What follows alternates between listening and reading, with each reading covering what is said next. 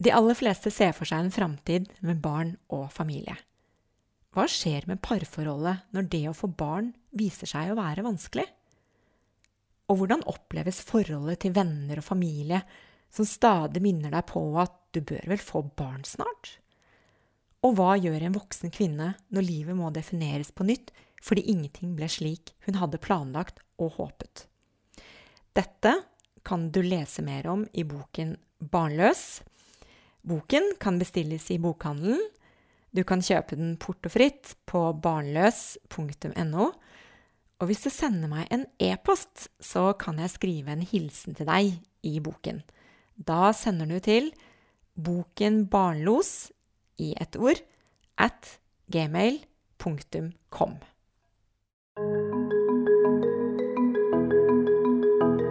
Dette er en podkast om barnløshet. Jeg ønsker å finne svar på hvorfor temaet er så viktig for oss.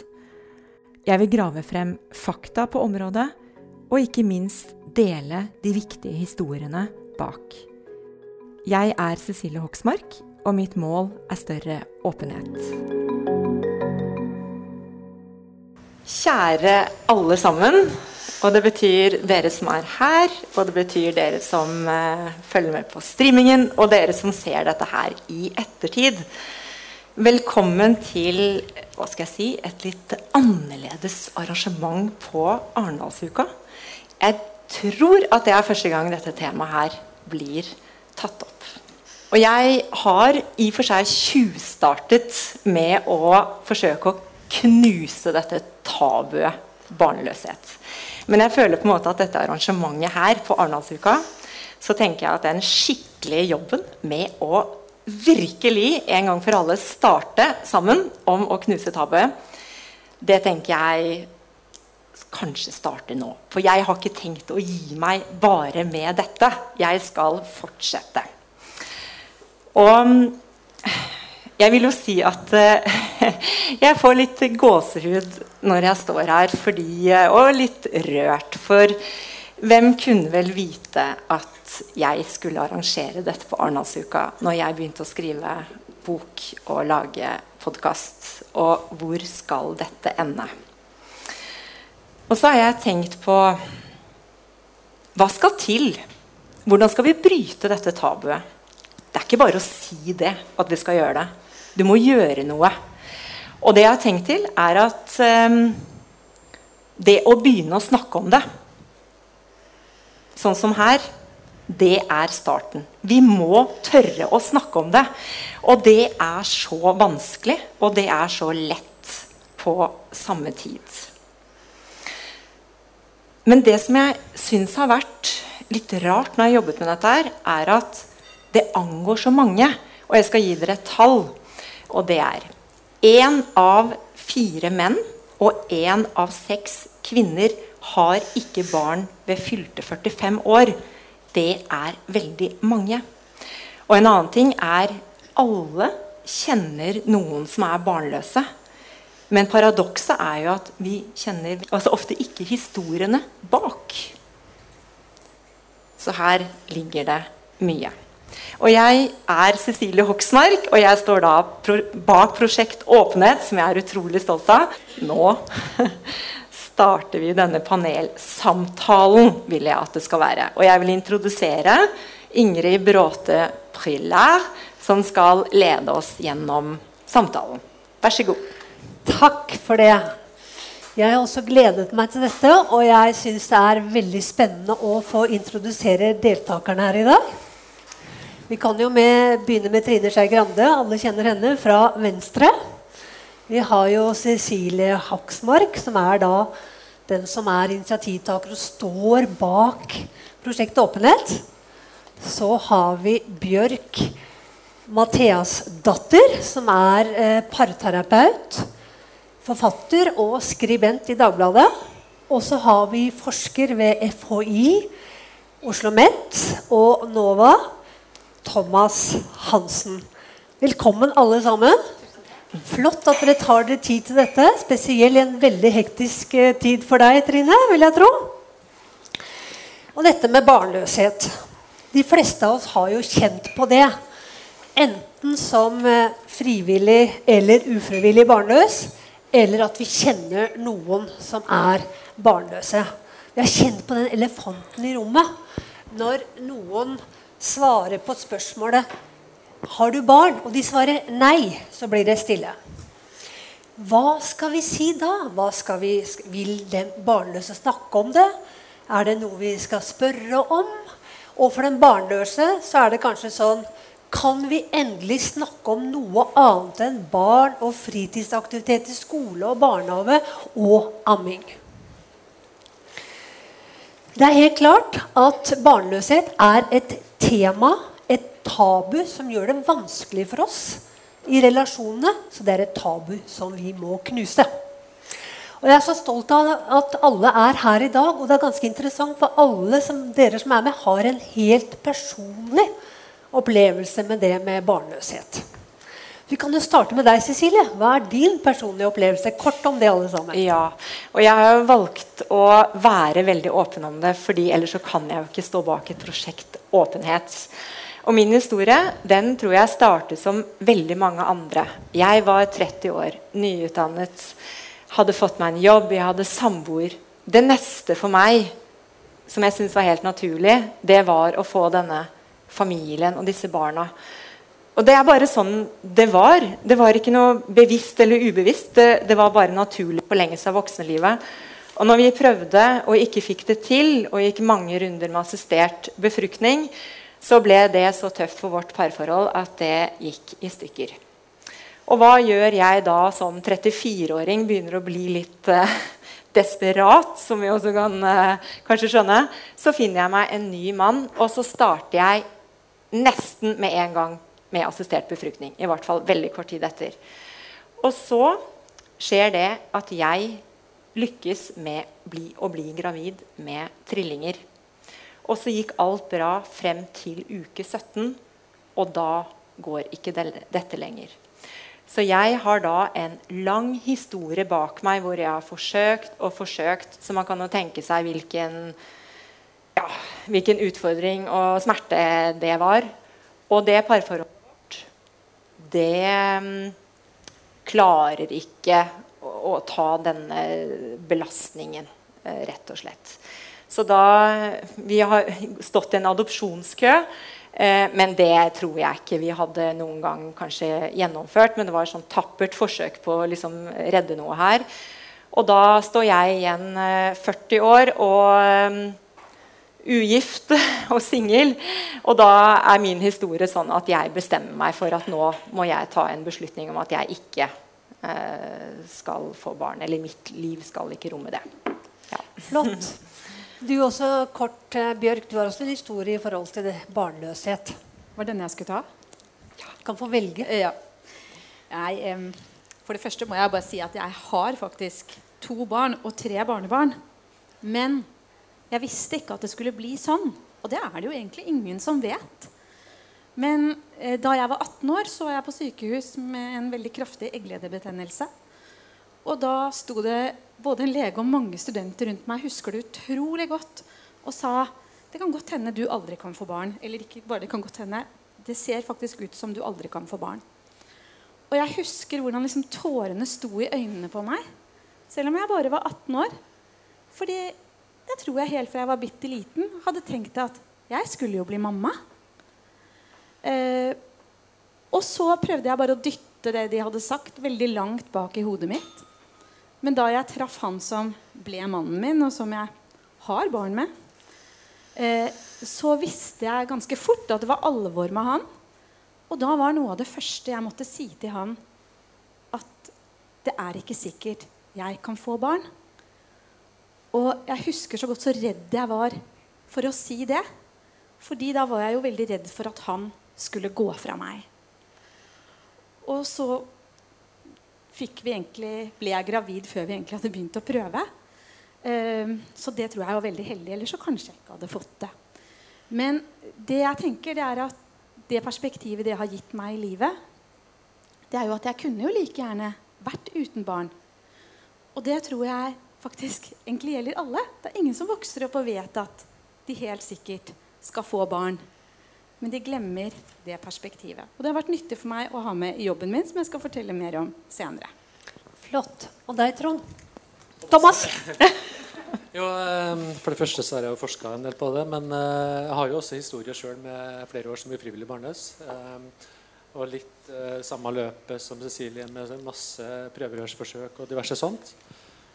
Ehm, Men vi var egentlig veldig ehm, klar for adopsjon, så det var liksom ikke så nøye. da, Og det var nesten litt sånn eksotisk det å skulle adoptere fra Sør-Afrika den gangen. Så det var liksom ikke så farlig, akkurat det. Ehm, og vi var også veldig åpne om det. og sånn da.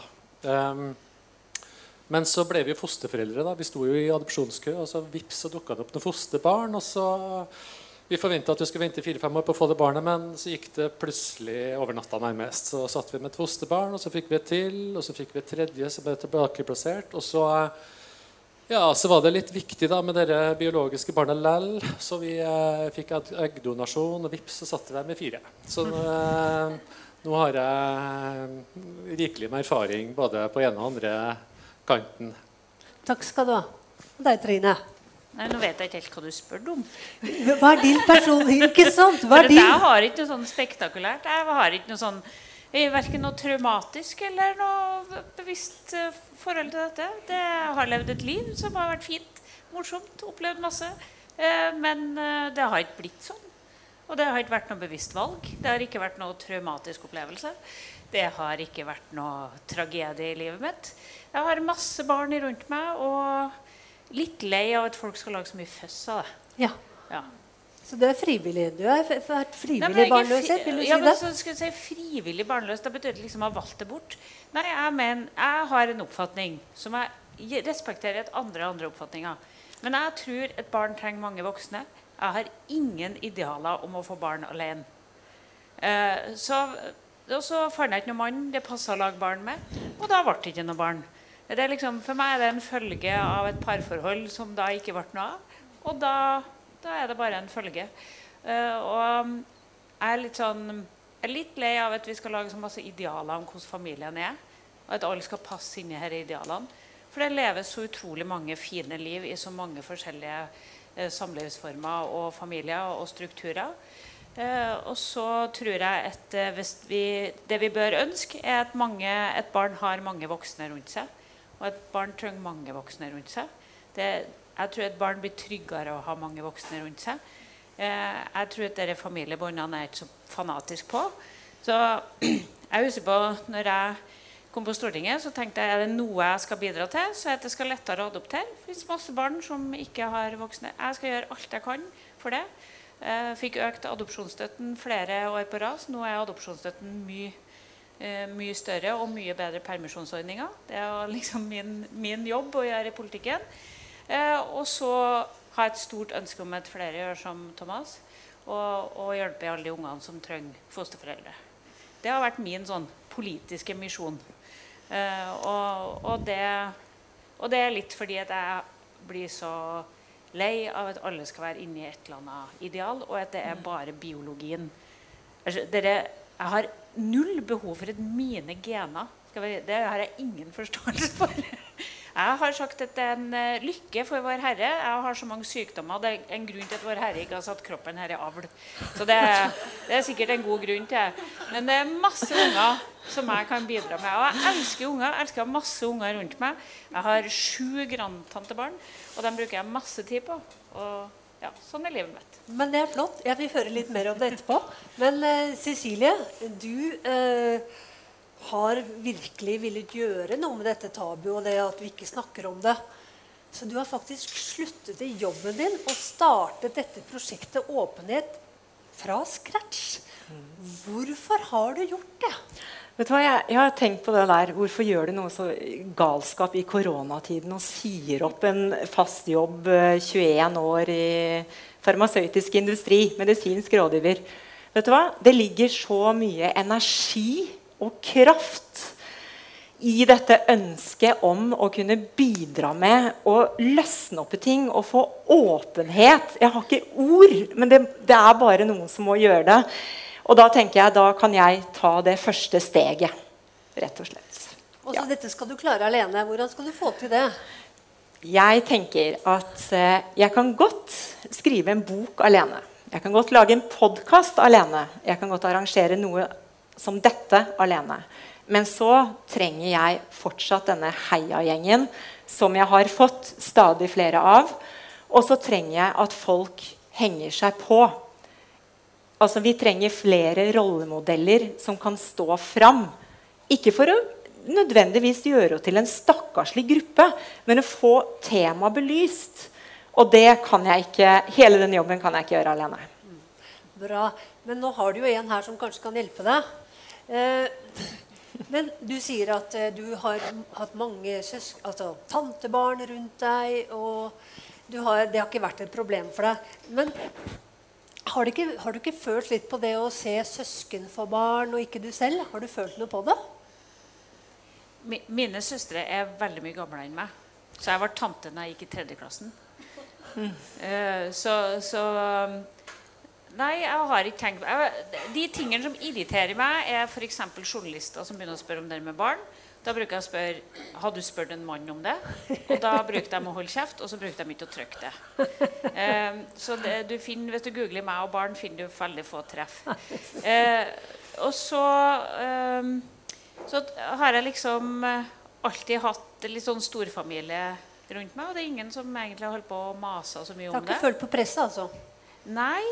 Det, det, det, irriterer meg med venninner som sier at eh, jeg ikke får med noe om barneoppdragelse fordi jeg ikke har egne barn. For jeg mener masse om barneoppdragelse. Men mener masse om mye, du. så jeg vil gjerne være med i de diskusjonene, og da kan de ikke avvise meg fordi jeg ikke har egne barn. Eh, så, så, det er det eneste som irriterer meg, det er når jeg liksom blir ekskludert fra debatten. Ja. ja. Nå er du i hvert fall velkommen ja, her, da. Så det er veldig bra. Takk. Eh, Bjørk, du er parterapeut. Det stemmer. Og har mange barnløse i ditt eh, terapirom. Mm. Eh, du, hvilken erfaring har du med at eh, barnløse tør å snakke om dette? De tør jo å snakke om det i terapirommet. Eh, men dessverre så er det jo ofte mange sier at 'dette kan jeg ikke si noe annet sted'. Eh, og det syns jeg er jo veldig trist. Og det gjelder jo kanskje mange altså kan være spesielle aspekter ved barnløsheten. Men jeg kjenner også i det jeg sier ordet 'barnløs', så kjenner jeg at jeg liker ikke ordet. Eh, fordi at det ordet på en måte sier noe du er. Du er barnløs. Det blir på en måte en slags identitet. Eh, jeg syns heller vi skulle si 'jeg har ikke barn'. Hvis du har veldig lyst til å ha det som din identitet, så kan du jo bruke det. Men jeg er veldig forsiktig med det i eh, terapirommet og når jeg møter folk og når jeg skriver om mennesker, som jeg også gjør mye, å skrive at de er noen ting. For hva vi er, syns jeg vi skal få bestemme sjøl. Men hva vi har, er helt annerledes, og det, gjør, det jobber jeg mye med òg. For det kan vi forholde oss til på en annen måte. Jeg har ikke barn. Det er noe helt annet å forholde seg til. Men hva, hva tror du er årsaken til at eh, barnløse, eller de uten barn, som du sier, velger å ikke snakke om det? Hva tror du er årsaken til det? Jeg tror at eh, Det jeg opplever, er jo at et spørsmål om å ikke ha barn, eller å streve med å få barn, som veldig mange av de jeg møter, gjør. Enten fordi de er et par som strever med å få barn, eller man er en, en enslig som strever med å finne en å få barn med. Og det er jo så utrolig mange forskjellige livshistorier som dette rommer. Som Trine er veldig fint inne på her, syns jeg. Så er jo det, oppleves det veldig privat. Eh, fordi det både er knytta til noe med identitet, noe med eksistensialitet, noe med kroppen din også, kan det være for mange. ikke sant? At man har dårlig stedkvalitet, f.eks. Man har kanskje ikke så lyst til at alle skal vite det. Og det forstår jeg veldig godt. Og så er det hvordan hvilke erfaringer de har, men hvis de har begynt å nevne det, hvordan det har blitt møtt. For hvis det kanskje har blitt møtt med litt at ja, det du sier, blir ledd av eller levert videre til andre, at du ikke kan stole på de du snakker med, eller at det som er veldig sårt og vondt og stort i ditt liv, på en måte blir redusert gjennom språket, da, så har du heller ikke så lyst til å snakke om det. Så jeg tenker at det er veldig fint å ha noen å snakke med. Og jeg synes helst at det ikke bør være en terapeut. Jeg syns at alle mennesker bør snakke sammen. Eh, men jeg syns også man skal vurdere hvem man snakker med. Fordi det er, jeg synes det er også litt sånn intimitetstyranni i dag, og alle krever å få vite noe om deg. Og maser og liksom skal vite alt. Men hva skal de bruke det til? Så det kan være også lurt å tenke hvem vil jeg egentlig dele dette med? Hvem vil jeg snakke med? Mm. Men Cecilie, eh, hvorfor valgte ikke du å ikke være åpen om at dere strevde med å få barn? Først kan jeg jo si at jeg angrer veldig på at jeg ikke var åpen. Jeg tror jeg hadde hatt det mye lettere. Men uh, hvorfor jeg ikke valgte det? Jeg tror rett og slett at dette her var så tilspisset. Det var noe annerledes. Det var som jeg var en slags feilvare som ikke kunne gi dette forholdet, dette barnet, da. Det ble altså så sterkt. Og jeg vet ikke hvor jeg har de tankene fra engang. Det er ingen som har sagt det til meg. Men jeg, jeg um, snakket kanskje dårlig altså med min makker om det også. Og hvis man på en måte um, skal tørre å være åpen, så er det jo fordi at man ikke tenker at det er noe risiko med å være åpen. da. Men for meg så var det en stor risiko for at kanskje ikke forholdet vårt ville vare. Jeg var i hvert fall veldig redd for det. Og, og hvordan skal du tørre å ta i det? Du sa, begynte å svare nesten litt på mitt neste spørsmål. Hva hadde vært annerledes for deg hvis du hadde vært åpen om det? Ja, jeg, kan man ikke si at uh, åpenhet er nesten hele svaret, da? Altså, det å tørre å lette på trykket og si at det er litt problematisk for meg, dette her. På arbeidsplassen, med makkeren. Altså Jeg tror de aller fleste ville hatt en stor forståelse for den situasjonen du var i. Tørre å snakke om det. Mm. Du er jo parterapeut. Kan du fortelle litt om uh, konsekvensene ufrivillig barnløshet får for paret? Ja. Eh, for veldig mange er det jo en veldig stor sorg. Eh, og jeg tror at eh, det er veldig viktig å bli møtt på den sorgen. Både av kjæresten sin, som man ikke får barn med, eller av samfunnet rundt, altså nære familie, venner. Eh, fordi at det mange sier, er at f.eks. som har opplevd sånn som deg også, å miste barn eh, sent i graviditeten. da eller hatt f.eks. flere aborter etter hverandre. Og sånn. Og så sier de at sorgen tar på en måte aldri slutt. For de tenker ja, så gammel ville barnet mitt vært nå. Mm. Eller eh, nå ville det vært russ. Ikke sant?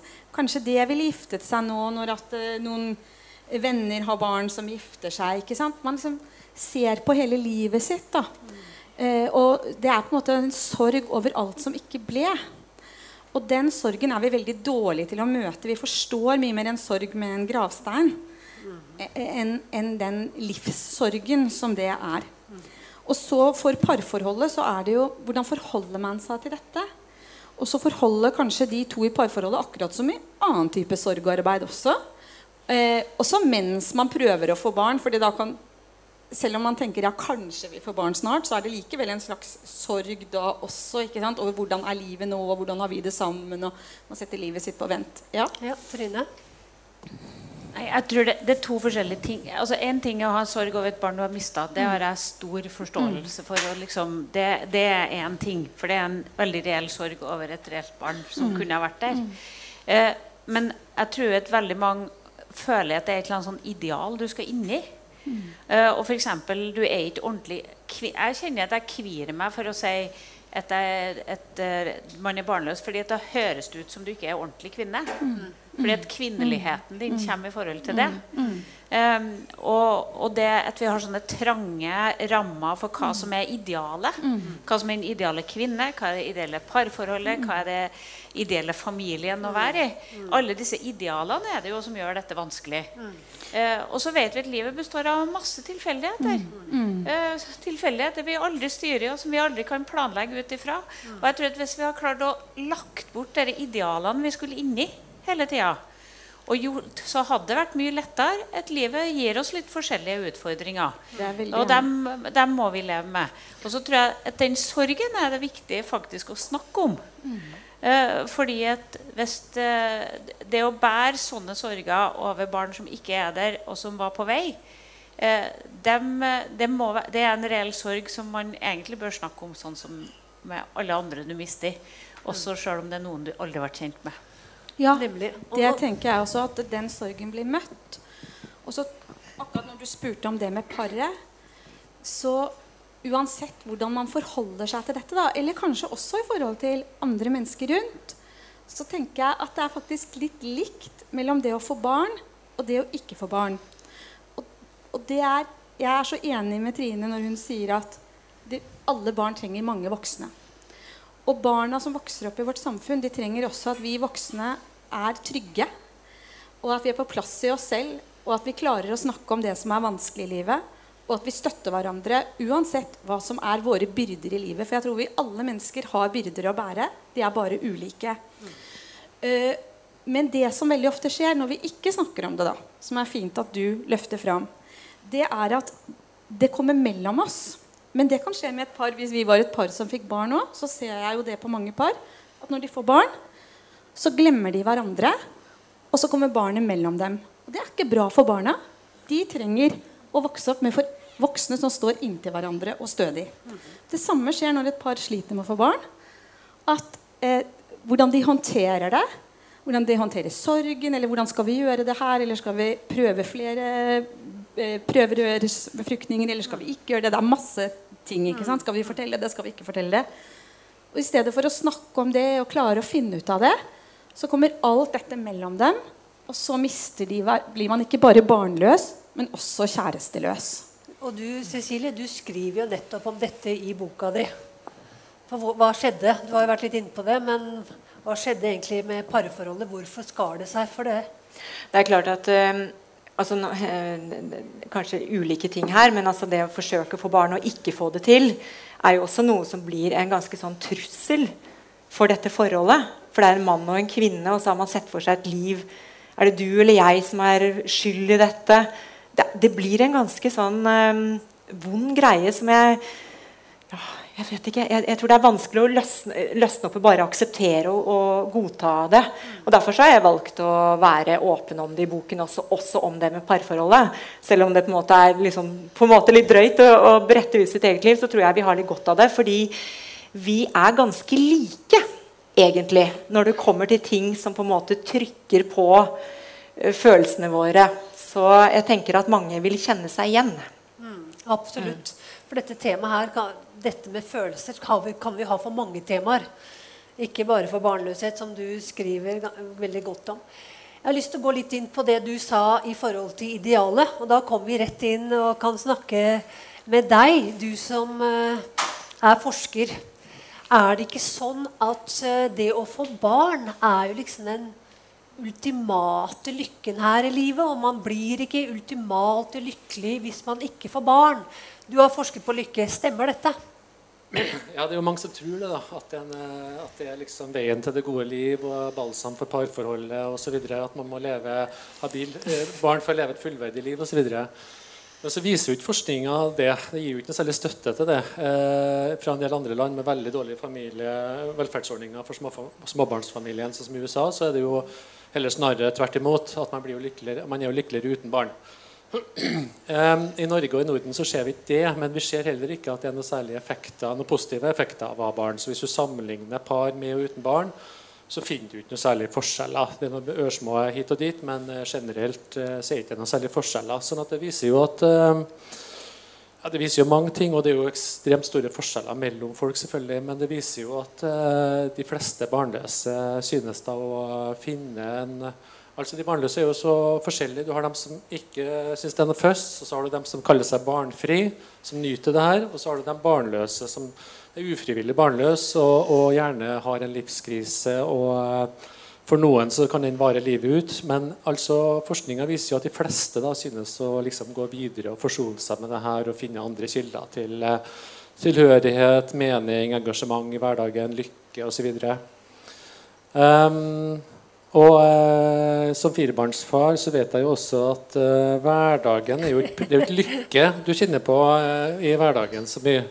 Du, du får jo noen sånne berikende opplevelser, og sånn, men eh, veldig mye så er det jo stress og bekymring og ja, kjedsomhet til tider. Sånn at eh, Så det er jo eh, en del foreldre som ikke har det så bra heller. Ikke liksom til tross for at de ikke er barn, men pga. barna. Så, men jeg, jeg, har jo blitt kritisert fra begge hold da, for at jeg liksom tar litt for lett på det ene og det andre. og sånn, og fordi at når du, når du får én setning i media liksom at du blir ikke lykkeligere av å ha barn, så blir de barnløse sur fordi de sjøl sliter eh, med denne livskrisen og sorgen og mislykketheten osv. Eh, men, så da er det jo liksom det å få fram det med de forskjellene og, eh, og også de ulike fasene. Så den overgangen til barnløshet på en måte, den er jo eh, utfordrende for mange. Um, men så kommer jo foreldrene inn og kritiserer meg for at jeg tar for lett på den berikelsen de kjenner på Og Så, videre. så det er jo um, store forskjeller mellom foreldre. Og, og det gir jo opplevelsesrikdom og variasjon og kontraster og uh, kjærlighet og alt det der, men det gir også en del sånne negative sider. da. Så, det, er, det er jo nesten litt farlig, dette her. Vi er jo i dette samfunnet hvor vi er så fokus på å ha barn. Og vi er nødt til å ha barn. Vi føder jo ikke nok barn. Vi blir jo bedt om å føde mer barn. Så eh, er det viktig at vi på en måte beholder dette bildet om at det å få barn er Da blir man så lykkelig. Nei, det har sin slagside. Da. Det blir jo, fører jo, det normative presset og kulturelle presset fører jo ofte til at det blir en besettelse for veldig mange. Da, og at man føler seg veldig mislykka hvis man ikke lever opp til de normene. sånn at eh, og noen kanskje tar livsvalg som de egentlig ikke ville gjort ellers, bare fordi det er så sterkt press blant venner og familie osv. Så, videre. så det mm, Ja, nei, det har noen eh, negative sider, absolutt. Hvordan var det for deg? Var dette å få barn rett og slett eh, optimale lykkefølelsen her i livet? Var det sånn mm. du tenkte? Jeg tenkte i hvert fall at det var en sterk forventning ja. om det. Og det var som om noen hadde Det var litt det du snakket om, Trine, med dette idealet. Det er som man går inn i en mal. Du skal studere, og så skal du få deg en jobb, jobb så en samboer, og så skal du få barn. Det er som et sånt system. Så jeg sa det kanskje i sted, men jeg vet ikke om jeg hadde så veldig bevisst forhold til det. Eh, det var bare at det, at det, skulle skje. Og så holdt jeg på å glippe på spørsmålet ditt, for det var lykkefølelsen. Mm. men jeg tenkte i hvert fall at det måtte til for at mitt liv skulle bli fullverdig, på en måte. Det er et ganske sterkt ord. Men jeg følte nok det. Og når du ikke følte denne fullverdigheten Vi snakket om det å føle seg som kvinne og alt dette her. Eh, og at man føler seg også litt eh, Det er vanskelige selskaper og denne elefanten i rommet. Hva slags følelse ga det deg? Hva gjorde det med deg som menneske? Ja, fordi det du tenker på, er jo Jeg har jo skildret dette her da, med jeg da som eh, Eh, den barnløse i middagsrommet rundt dette bordet med alle disse da som enten hadde barn eller skulle få osv. Og, og den følelsen der av at du ikke hadde lykkes fordi alle var jo så opptatt av å fortelle hvor flott dette var. Hvor fantastisk. Og de fikk jo all oppmerksomheten. Så man kan jo nå, Ja, ok. Jeg er ikke vant til sånn replikk fra sida, jeg. Bare fullfør setningen, så skal Trine få si etterpå, snakke etterpå. Det er fint. Du må være glad du ikke står ved noen som avbryter hele tida. Det er ja. Noen som jeg var midt i dette, dette spennende middagsselskapet. Nei. Poenget mitt er i hvert fall at man kan føle seg ganske på siden. Det er i hvert fall, ja. Ensom, utenforskap. Det vil jeg si. Ja. ja. Trine? Men da skal jeg trøste, trøste Nå ser jeg, litt i flepete tone, men det er litt alvor i det òg. For jeg skal trøste deg at du, du var ikke singel i tillegg. For da havner du ved barnebordet. For da passer du ikke inn i noen strukturer rundt det, det festselskapet. Vi har veldig sånne idealer vi skal passe inn og Hvis vi ikke passer ja. inn i de firkantene i familie, så passer vi liksom ikke inn på selskap engang. Blir partall engang. Eh, nei, jeg, jeg, bruker jo Jeg sa til journalisten her før, jeg tror jeg har sagt det i andre sammenhenger òg, at jeg, tror, jeg er jo kjempeglad for å bo i Norge. Mm. For jeg tror jo aldri at jeg hadde blitt partileder i noe annet land. Mm. Eh, fordi i de aller fleste landene skal du vise fram en perfekt familie. Eh, verken jeg eller Siv hadde blitt partileder i noe annet land enn Norge. Eh, og hvis du da er singel eh, og ikke har barn, og i tillegg er tjukk, så passer du inn i noen kvinneidealer som du må gjøre hvis du skal uh, altså du, Selv i Sverige hadde ikke jeg gått. Uh, du finner så å si ingen av typen meg og Siv noe annet land og det, og, men nå er, har jeg vært leder av et liberalt parti, så det partiet driter i det. Men jeg tror, jeg tror Siv har hatt det mye vanskeligere, og hun har hatt mange flere oppslag om at hun ønsker seg barn. og, og, og det i media, både med mann og kjæreste. Eh, så, så det tror jeg, hun tror jeg syns det har vært tøffere enn partiet mitt bryr seg ikke om det. Men, men opp, opinionen spør jo veldig mye om det. Eh, og drittpakkene handler jo veldig mye om det. Eh, for at du skal, bry, du skal inn i en eller annen form som alle mener For du det er jo et press fra samfunnet om at vi skal få barn og denne familien osv. Ja, Hvis ikke så er vi ikke ordentlige kvinner. Nei. Og hvis ikke så er, vi ikke, er det sikkert noe suspekt med oss som mennesker. Men- hvis vi ikke passer inn i det idealet. Men du er politiker.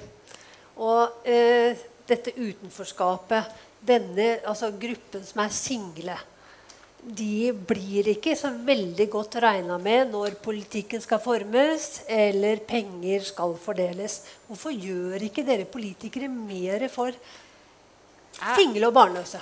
Jeg har eh, Av og til da når det ryker sånn en liten faen i meg, sånn som det gjorde når jeg begynte å jobbe med adopsjonsstøtte og, og sånne ting, så prøvde jeg å løfte singelpolitikken. Hvis du søker singel, så tror jeg ikke det er så mange andre politikere som har løfta det. Og det, Oslo bor 55% av oss som bor i Oslo, bor er du fornøyd med det du har fått til?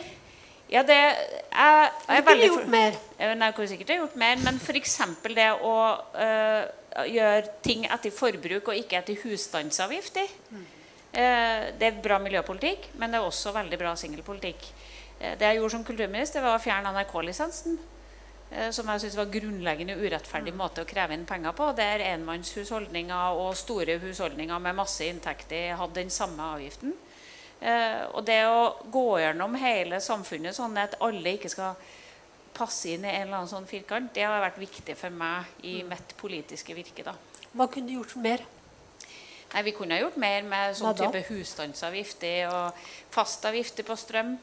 Hvorfor, du, hvorfor er ikke mer basert på forbruk? Hvorfor er det liksom disse abonnementsavgifter? Men også i forhold til dette med denne utenforskapet som man føler i forhold til relasjoner, og ikke føle at man er kvinne, mislykket, ensom osv. Hva, hva, mer- hva kunne dere gjort der for å hjelpe? Nei, det handler om måten du snakker om ting på. Og det handler jo om Jeg mener jo at det å være ei tjukk singel kjerring uten unger som er i offentlige bilder, kan være et forbilde nok da, for unge jenter. Og jeg har skrevet en bok hele om dette. Det siste avsnittet handler bare om dette. Altså, t- Torse å være deg sjøl, torse å leve livet du sjøl har lyst til å leve. Jeg hadde jo lyst til at den boka skulle hete 'Vanlig kjerring og artig liv'. Så det, eh, og det fikk jeg ikke lov til av forlaget.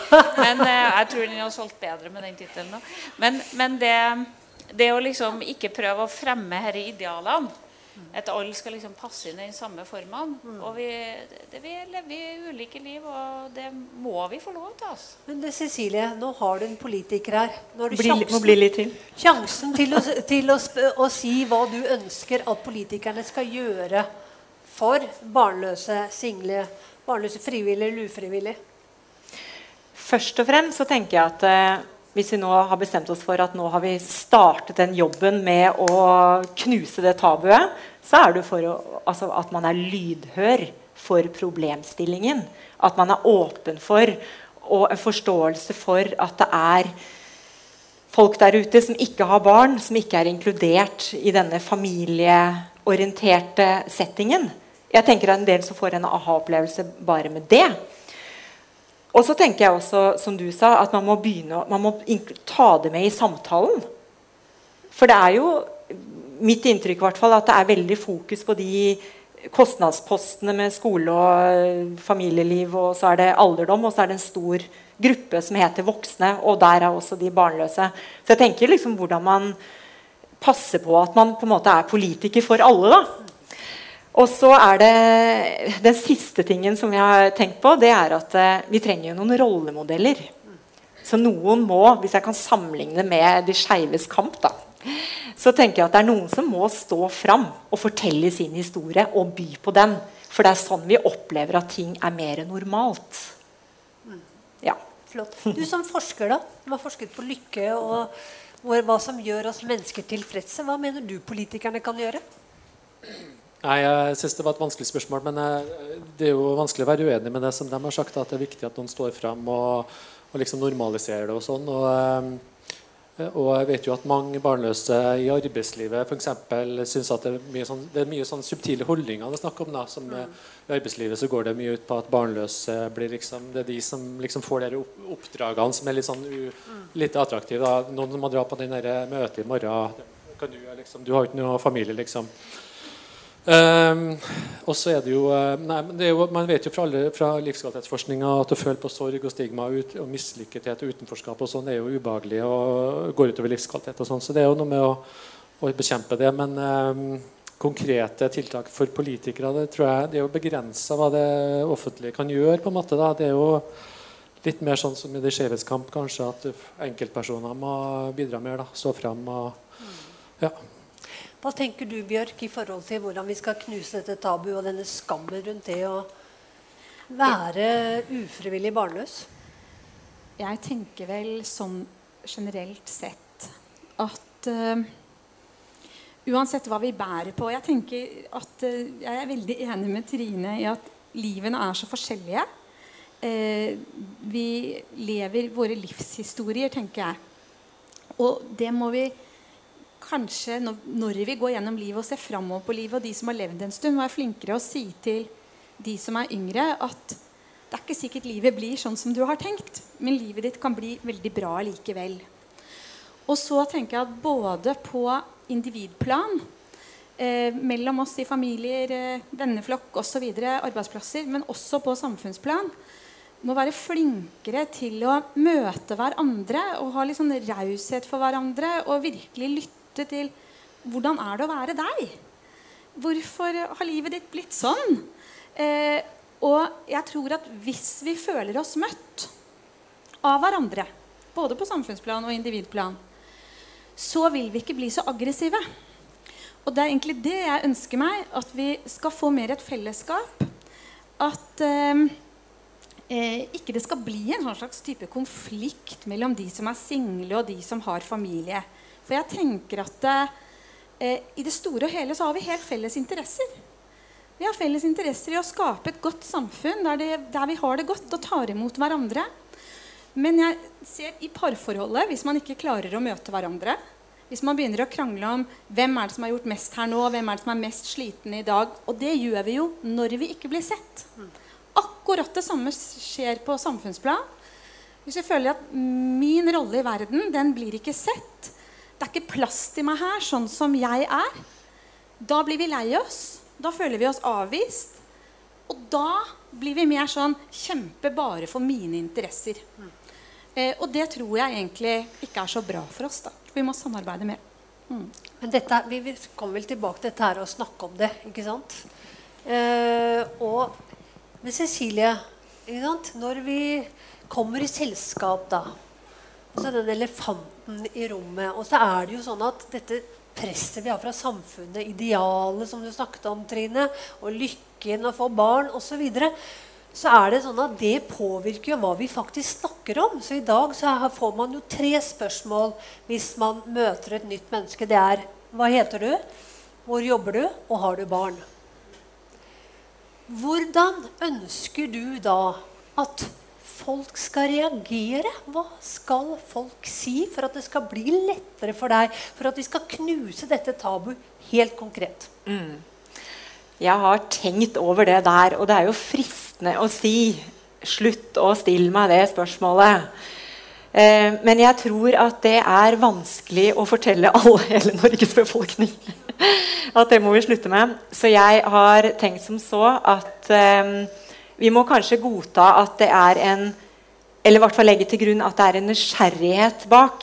At det ikke er noe vond vilje bak.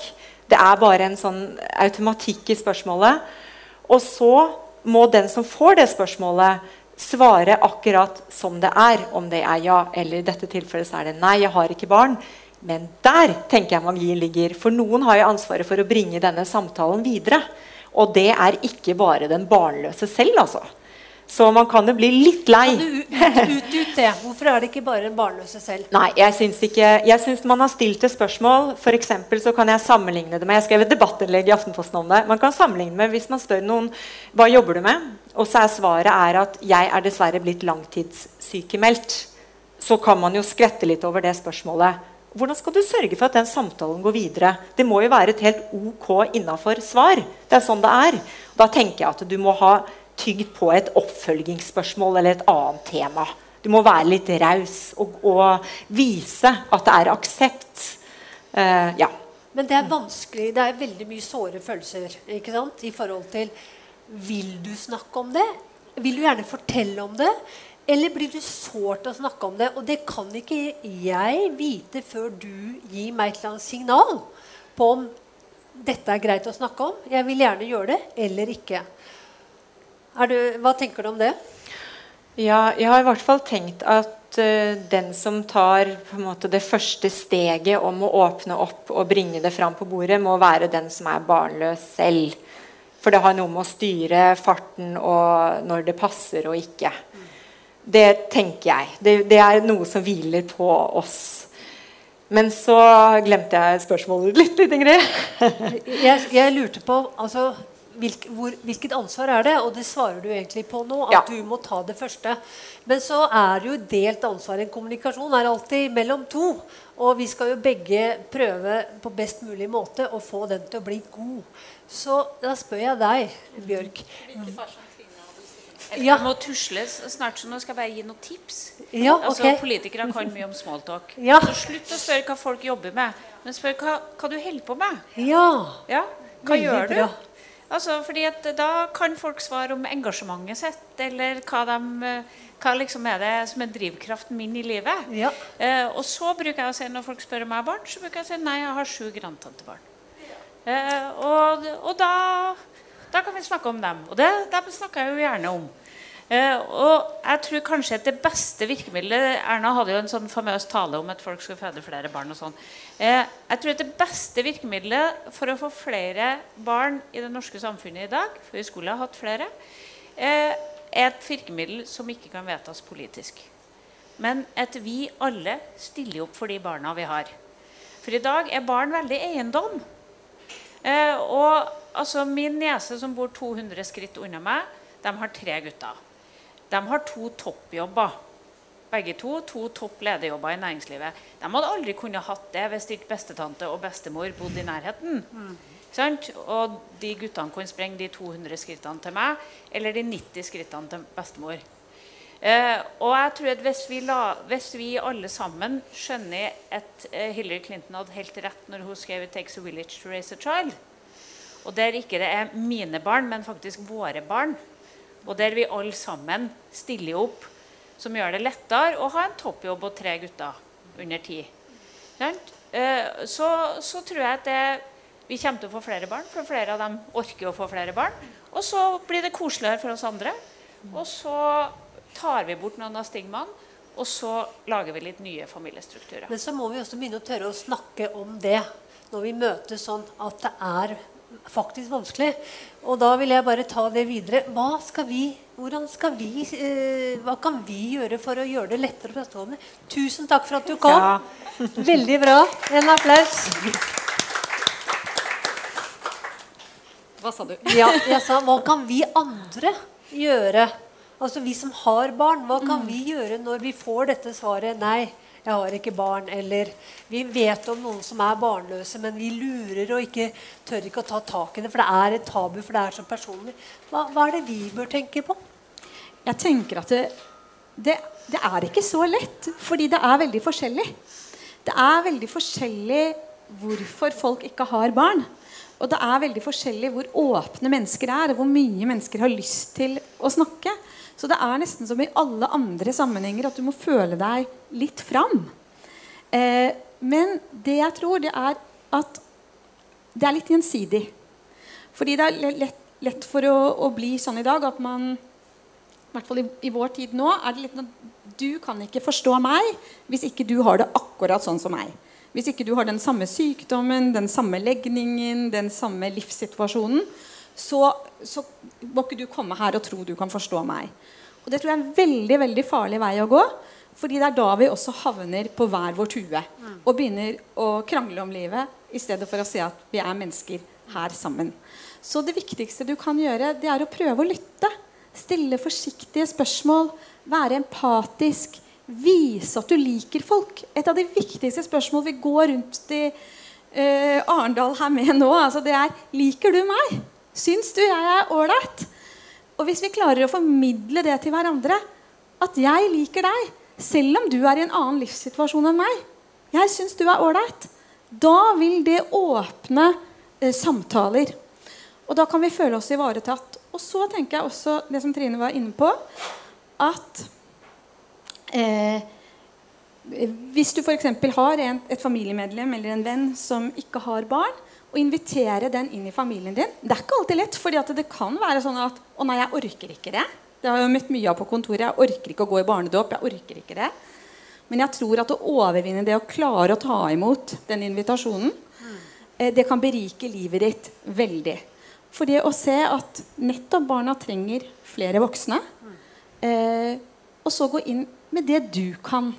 Og da er du Ja, jeg har ikke egne barn, men jeg har alt dette. Og jeg kan være en berikelse for dere.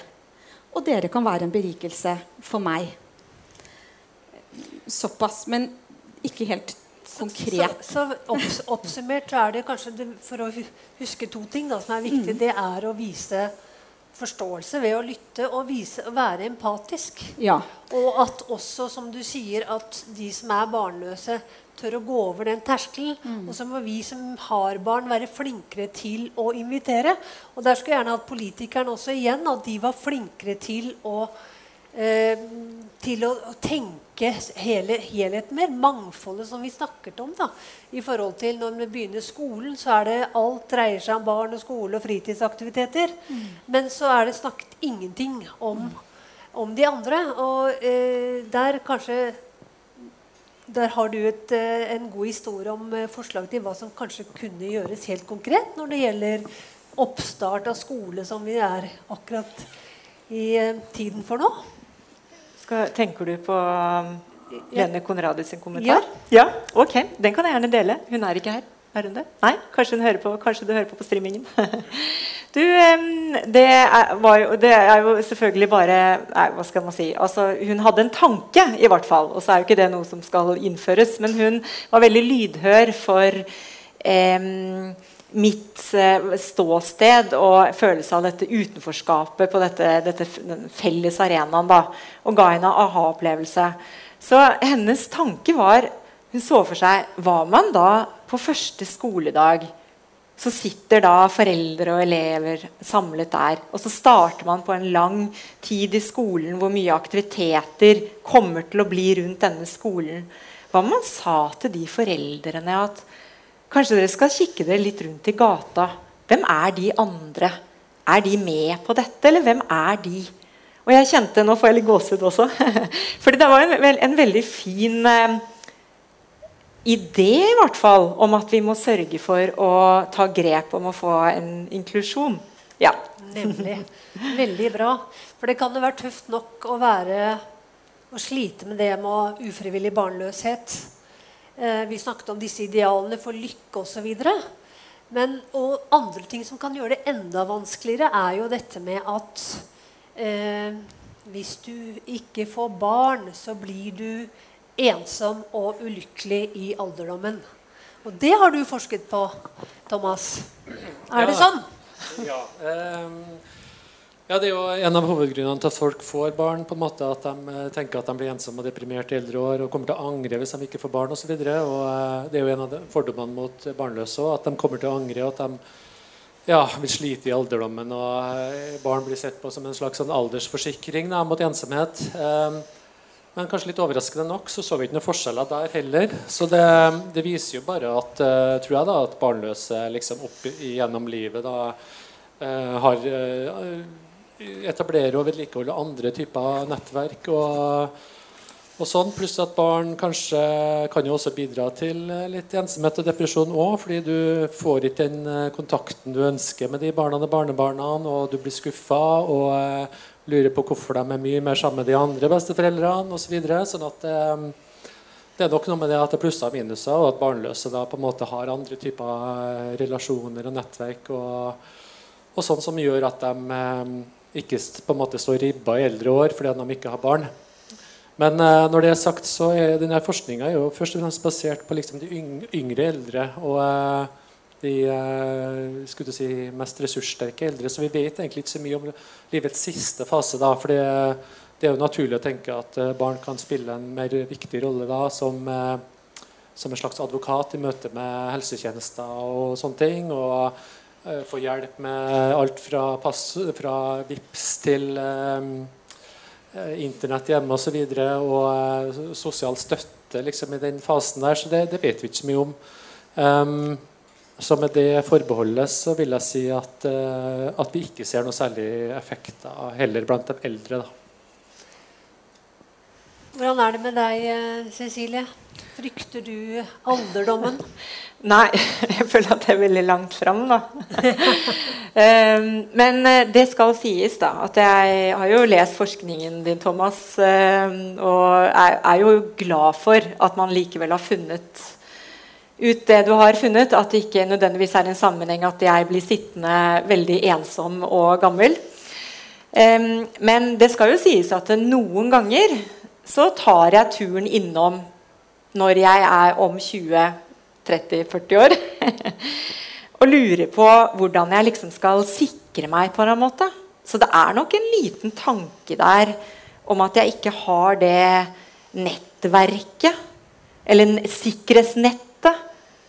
Um, så det må, det må, jeg innrømme. Men så har jeg også bestemt meg for at uh, nå går jeg inn i mitt uh, lykkeligste tiår hittil.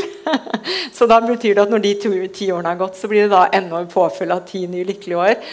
Så um, jeg har troen på at uh, man kan virkelig ta noen grep om livet sitt og bestemme seg for ganske mye. Og, um, og vite hva som på en måte gjør godt i livet ditt, og hva som ikke. da, Og liksom rydde skikkelig der. Det tror jeg er, eh, er fint. Ja, du har jo vært igjennom eh, veldig vanskelige ting. Men du har jo klart å komme deg til å bli sterk og opp og fylle livet ditt med andre ting. Og det er ganske spennende hvilke metoder du har brukt. Det er ikke alle som vil klare det, for man skal ikke skape et mer prestasjonspress for det. Men det er jo interessant å høre om, og det skriver du også om i boka di. Det er jo både din historie og forskning og samfunnsperspektiv. Så det er en, faktisk eh, også en, veldig, en bok hvor man kan både gråte og le, syns jeg. Eh, så det er, og det er jo ditt første skritt til åpenhet om dette her. Og vi er jo ikke ferdig med det. Dette er starten. Hva skal du gjøre videre nå? Første er at jeg ikke skal bli fristet til å ta en fast jobb. For da tror jeg løpet er kjørt. Så jeg har tenkt til å fortsette med det jeg har uh, gjort hittil. Og jeg har begynt å delta i debatten uh, med debattinnlegg. Jeg har et stort ønske om å holde foredrag. Og det er litt sånn uh, Hva skal man si om det, Bjørk? Det er litt sånn ubehagelig å, å på en måte si. Eh, fordi man setter seg selv så veldig på scenen, og hvem er jeg som kan ta den oppgaven? Men jeg tenker at eh, det er mye usagt eh, om tematikken. Eh, så jeg tenker at jo flere som på en måte kommer til og har lyst til å bidra med det ene eller andre, så er det det jeg skal fortsette med. Yes. Og det var jo bra et siste ord for denne debatten. Eller denne panelsamtalen, kan vi vel snakke om det. Tusen takk til eh, dere for god deltakelse og personlige historier i tillegg. Tusen takk til deg, eh, forsker på lykke og hva vi vil tilfreds av, Thomas eh, Hansen. Til deg som er parterapeut, forfatter og eh, spaltist i Dagbladet Magasin. Bjørk eh, Matheasdatter. Og da, da til deg eh, som bare står på for å rett og slett knuse dette tabu. Cecilie Hoksmark. Én oppfordring. Hjelp til å bli åpne til å knuse dette tabu. Ta oppfordringen og snakk om det når dere går ut herfra. Takk for oss.